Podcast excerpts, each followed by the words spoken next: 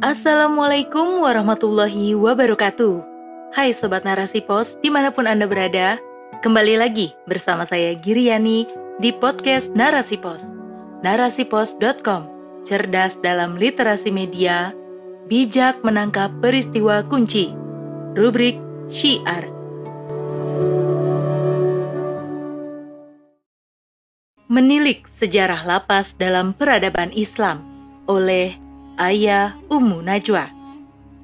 Dalam bahasa Arab, lapas atau penjara disebut al-sijnu yang berarti menahan, yaitu tempat untuk menahan atau membatasi kebebasan mereka yang dikurung disebabkan melakukan pelanggaran.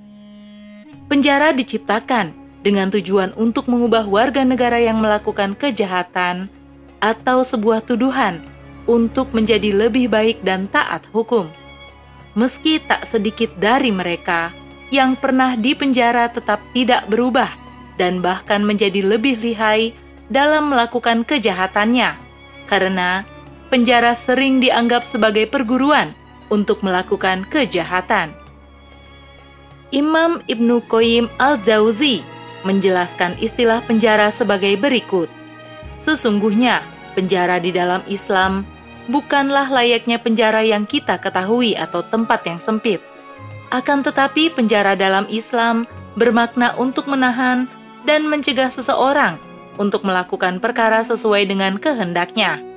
Penahanan itu bisa dilakukan di rumah, di masjid, atau bahkan menugaskan seseorang untuk mengawasinya.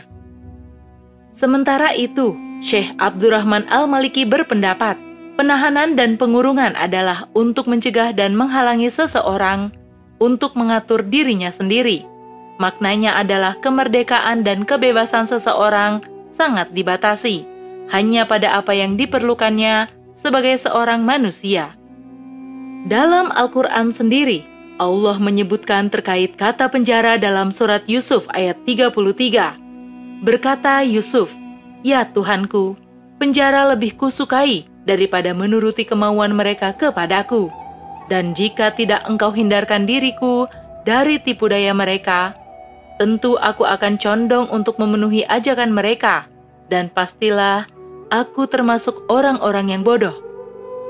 Dalam surat lain, Allah juga berfirman dalam surat Al-Ma'idah ayat 33, Sesungguhnya, pembalasan terhadap orang-orang yang memerangi Allah dan Rasul-Nya serta membuat kerusakan di muka bumi, hanyalah mereka dibunuh atau disalib, atau dipotong tangan dan kaki mereka dengan cara menyilang, atau mereka dibuang dari negeri mereka. Hal yang demikian itu sebagai suatu penghinaan untuk mereka di dunia dan di akhirat, mereka memperoleh siksa yang dahsyat. Sebagian ulama tafsir menafsirkan kata membuang mereka dengan penjara, sebagaimana dinyatakan dalam kitab Tabyin al-Haqa'iq Syarah Kanz al-Daqa'iq. Rasulullah Shallallahu Alaihi Wasallam pun menyebutkan penjara dalam beberapa hadis, di antaranya hadis yang diriwayatkan oleh Imam Abu Daud nomor 3603 dari Bas bin Hakim dari ayahnya, dari kakeknya, bahwa Rasulullah memenjarakan seseorang karena suatu tuduhan. Seperti diketahui bahwa Rasulullah Shallallahu Alaihi Wasallam serta Khalifah Abu Bakar tidak membangun bangunan penjara. Beliau Shallallahu Alaihi Wasallam ketika menahan seseorang yang melakukan pelanggaran atau menawan tawanan perang hanya diikat di pagar depan Masjid Nabawi atau menahannya di rumah dan lain-lain. Namun, Seiring berkembangnya peradaban Islam dengan semakin meluasnya wilayah kekhilafahan, serta semakin banyak orang yang memeluk Islam dan kian banyaknya pelaku pelanggaran, maka pada masa Khalifah Umar bin Khattab dibuatlah penjara pertama dalam sejarah Islam di Mekah. Khalifah Umar berinisiatif membeli rumah Sofwan bin Umayyah dengan harga 4.000 dirham yang kemudian dikhususkan untuk menahan para pelaku pelanggaran. Hingga pada masa pemerintahan Syaidina Ali bin Abi Thalib, yaitu khalifah keempat, ia membangun bangunan khusus bagi para pembuat onar yang kemudian diberi nama penjara Nafi yang berarti bermanfaat. Akan tetapi, dikarenakan bangunannya yang kurang kokoh, mengakibatkan banyak tahanan yang dengan mudah melarikan diri. Maka, sang khalifah melakukan evaluasi dan dibangunlah kembali sebuah penjara yang disebut Mukhayyis, yang kemudian resmi menjadi bangunan penjara pertama dalam Islam, yang bangunannya mencerminkan bangunan lapas, bukan hanya sebuah rumah untuk menahan pelaku kejahatan. Secara umum, pada masa Khulafaur Rasidin, para tahanan diperlakukan dengan layak. Setelah masa itu, pada masa kekhilafahan Bani Umayyah, semua berubah. Telah tercatat dalam sejarah masa pemerintahan Khalifah Abdul Malik bin Marwan. Ia mempunyai seorang menteri yang terkenal bengis, yaitu Al-Hajjaj bin Yusuf. Pada masa itu, terjadi peristiwa yang mengakibatkan meninggalnya 50 ribu tahanan pria dan 30 ribu tahanan wanita dengan penyebab yang belum jelas. Sehingga pada masa pemerintahan Khalifah Umar bin Abdul Aziz yang meski hanya memerintah yang terbilang singkat, yaitu sekitar 2-3 tahun, namun ia merupakan seorang khalifah yang terkenal karena kesolihannya dan kemakmuran dunia Islam di bawah kekuasaannya. Ia juga mulai kembali memperbaiki kondisi penjara dalam kekhilafahannya.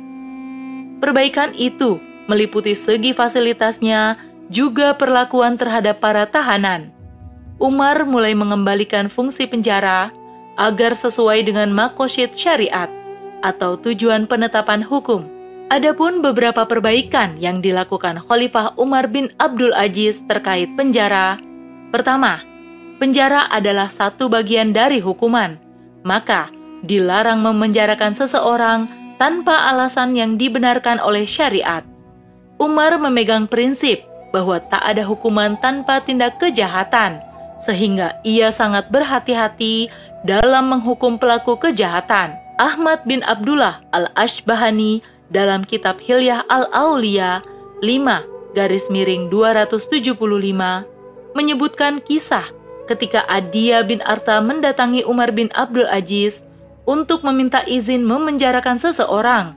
Maka Umar pun mengatakan kepadanya, "Sungguh, aku heran kepadamu yang meminta izin kepadaku untuk menghukum manusia, seolah-olah aku dapat menjadi perisaimu daripada siksa Allah, dan seolah-olah keridoanku dapat menyelamatkanmu dari kemurkaannya.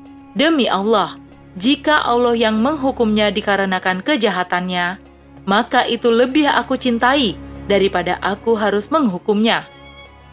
Kedua, hukuman kurungan adalah salah satu jenis hukuman takzir dan bukanlah hukuman had. Sehingga Umar berpendapat bahwa jika seseorang sudah mendapatkan hukuman had, maka ia tak berhak lagi untuk mendapatkan hukuman takzir, yaitu hukuman kurungan penjara. Ketiga, penjara mempunyai esensi berupa hukuman juga kehinaan. Seseorang yang dipenjara sejatinya ia telah mendapatkan hukuman berupa penahanan, sanksi sosial berupa kehinaan di mata masyarakat. Maka, bagi para penegak hukum, dilarang keras menambah hukuman lain selain hukuman kurungan tersebut. Keempat, hukuman penjara memiliki nilai kemaslahatan bagi pelaku pelanggaran maupun bagi masyarakat. Umar bin Abdul Aziz mengatakan, penjara merupakan bangunan yang dibangun oleh mereka yang berkeadaban, yang bertujuan untuk membersihkan dosa manusia. Kelima, dalam Islam, sejatinya hukuman penjara bukanlah tujuan utama, akan tetapi penegakan keadilan. Maka dari itu, sebagian ulama termasuk di dalamnya Umar bin Abdul Aziz berpendapat bahwa penjara adalah alat untuk memperbaiki perilaku manusia. Penjara bukanlah tujuan utama, bahkan jika diperoleh cara lain untuk perbaikan selain penjara, maka jalan itu dapat ditempuh. Penjara, walaupun sering diidentikan sebagai tempat yang penuh hal-hal keburukan, namun pada faktanya, penjara tidak hanya tempat yang diperuntukkan bagi mereka yang melakukan pelanggaran. Akan tetapi, penjara sering dijadikan alat untuk membungkam mereka yang berani menolak kezaliman penguasa dan menyuarakan kebenaran, atau mereka yang dianggap menentang rezim yang sedang berkuasa. Contohnya seperti Imam Abu Hanifah dipenjara pada masa Bani Umayyah dan Abbasiyah. Beliau wafat di penjara dalam usia 68 tahun.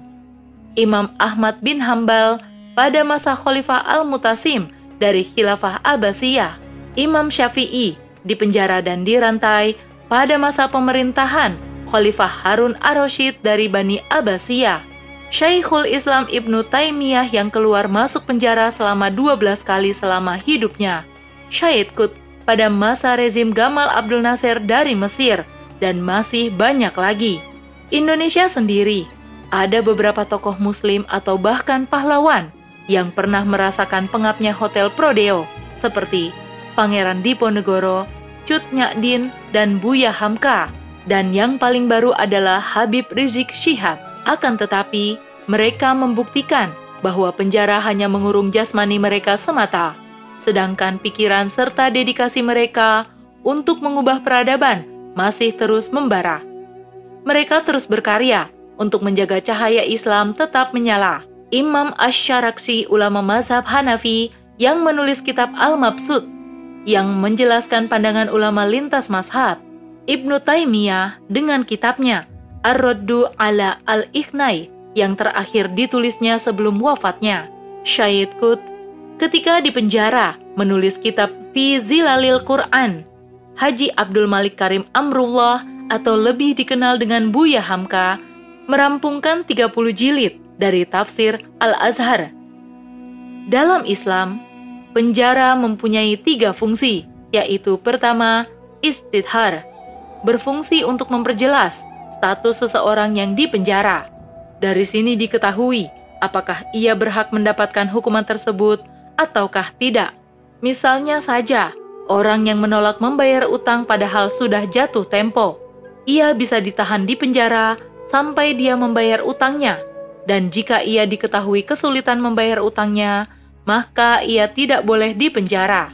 Kedua, ikhtiat atau fungsi kehati-hatian sebagai salah satu langkah kewaspadaan karena ada kemungkinan pelaku kejahatan melarikan diri sebelum statusnya jelas atau kemungkinan terjadinya penganiayaan terhadap pelaku. Maka, penjara digunakan untuk menahan tersangka. Ketiga, ukubat atau hukuman, yaitu sebagai salah satu jenis hukuman takzir Takzir adalah sanksi yang ditetapkan oleh penguasa atau khalifah yang tidak diatur dalam hudud atau Al-Quran dan hadis. Contoh jarimah atau kejahatan yang dikenai takzir adalah seperti pencurian yang belum mencapai nisab, yaitu standar harta yang dicuri, seperti mencuri buah dari pohonnya dan lain-lain. Wallahu a'lam.